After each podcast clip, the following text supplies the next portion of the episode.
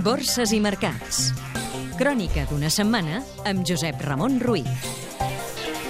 La primera setmana del mes de juny s'ha tancat amb pèrdues generals a les borses. Els inversors han optat per les vendes i per recollir beneficis enmig dels temors sobre el creixement de l'economia mundial, del mea culpa del Fons Monetari Internacional en el rescat de Grècia i de les decisions del Banc Central Europeu i del Banc d'Anglaterra de mantenir sense canvis el preu del diner sense anunciar noves mesures d'estímul a l'economia. Aquí, la setmana que el Tresor ha cobert el 60% de les seves necessitats de finançament per aquest any, després de col·locar amb una bona demanda 4.024 milions d'euros en bons i obligacions a 2, 3 i 10 anys, l'IBEX 35, amb el millor comportament d'Europa, ha baixat un 0,65% i se situa en els 8.266 punts, tot i el petit respir que ha donat l'atur al maig i enmig de la petició de la Troika d'una vigilància més estreta a la banca. Des de l'1 de gener, la borsa espanyola, però, acumula uns guanys d'un 1,21%.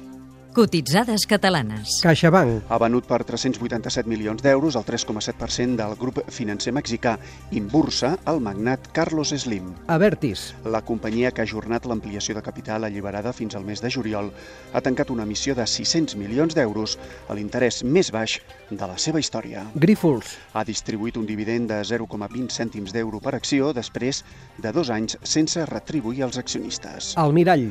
Els laboratoris faran una ampliació de capital alliberada de 291.395 euros en el marc del seu programa de dividend flexible. Immobiliària colonial. La lluita per la companyia ha disparat les seves accions aquesta setmana un 23,31%. Fluidra. La Junta d'Accionistes ha aprovat les xifres de la companyia del 2012, ha decidit mantenir un dividend de 8 milions d'euros i també seguir apostant per la internacionalització. La seda de Barcelona. Ha aconseguit un mes més de temps per renegociar el seu deute.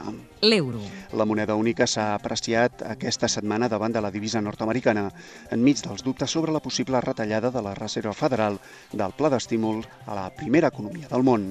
Aquest divendres, el Banc Central Europeu, que ha retallat la seva estimació de creixement de la Unió Europea per aquest any, n'ha fixat el seu canvi oficial a 1,3260 dòlars. El petroli. El futur del cru tipus Brent, el de referència a Europa, s'ha encarit lleument al voltant dels 103 dòlars de mitjana, impulsat pel descens de les reserves setmanals de cru i gasolines als Estats Units. Vocabulari financer.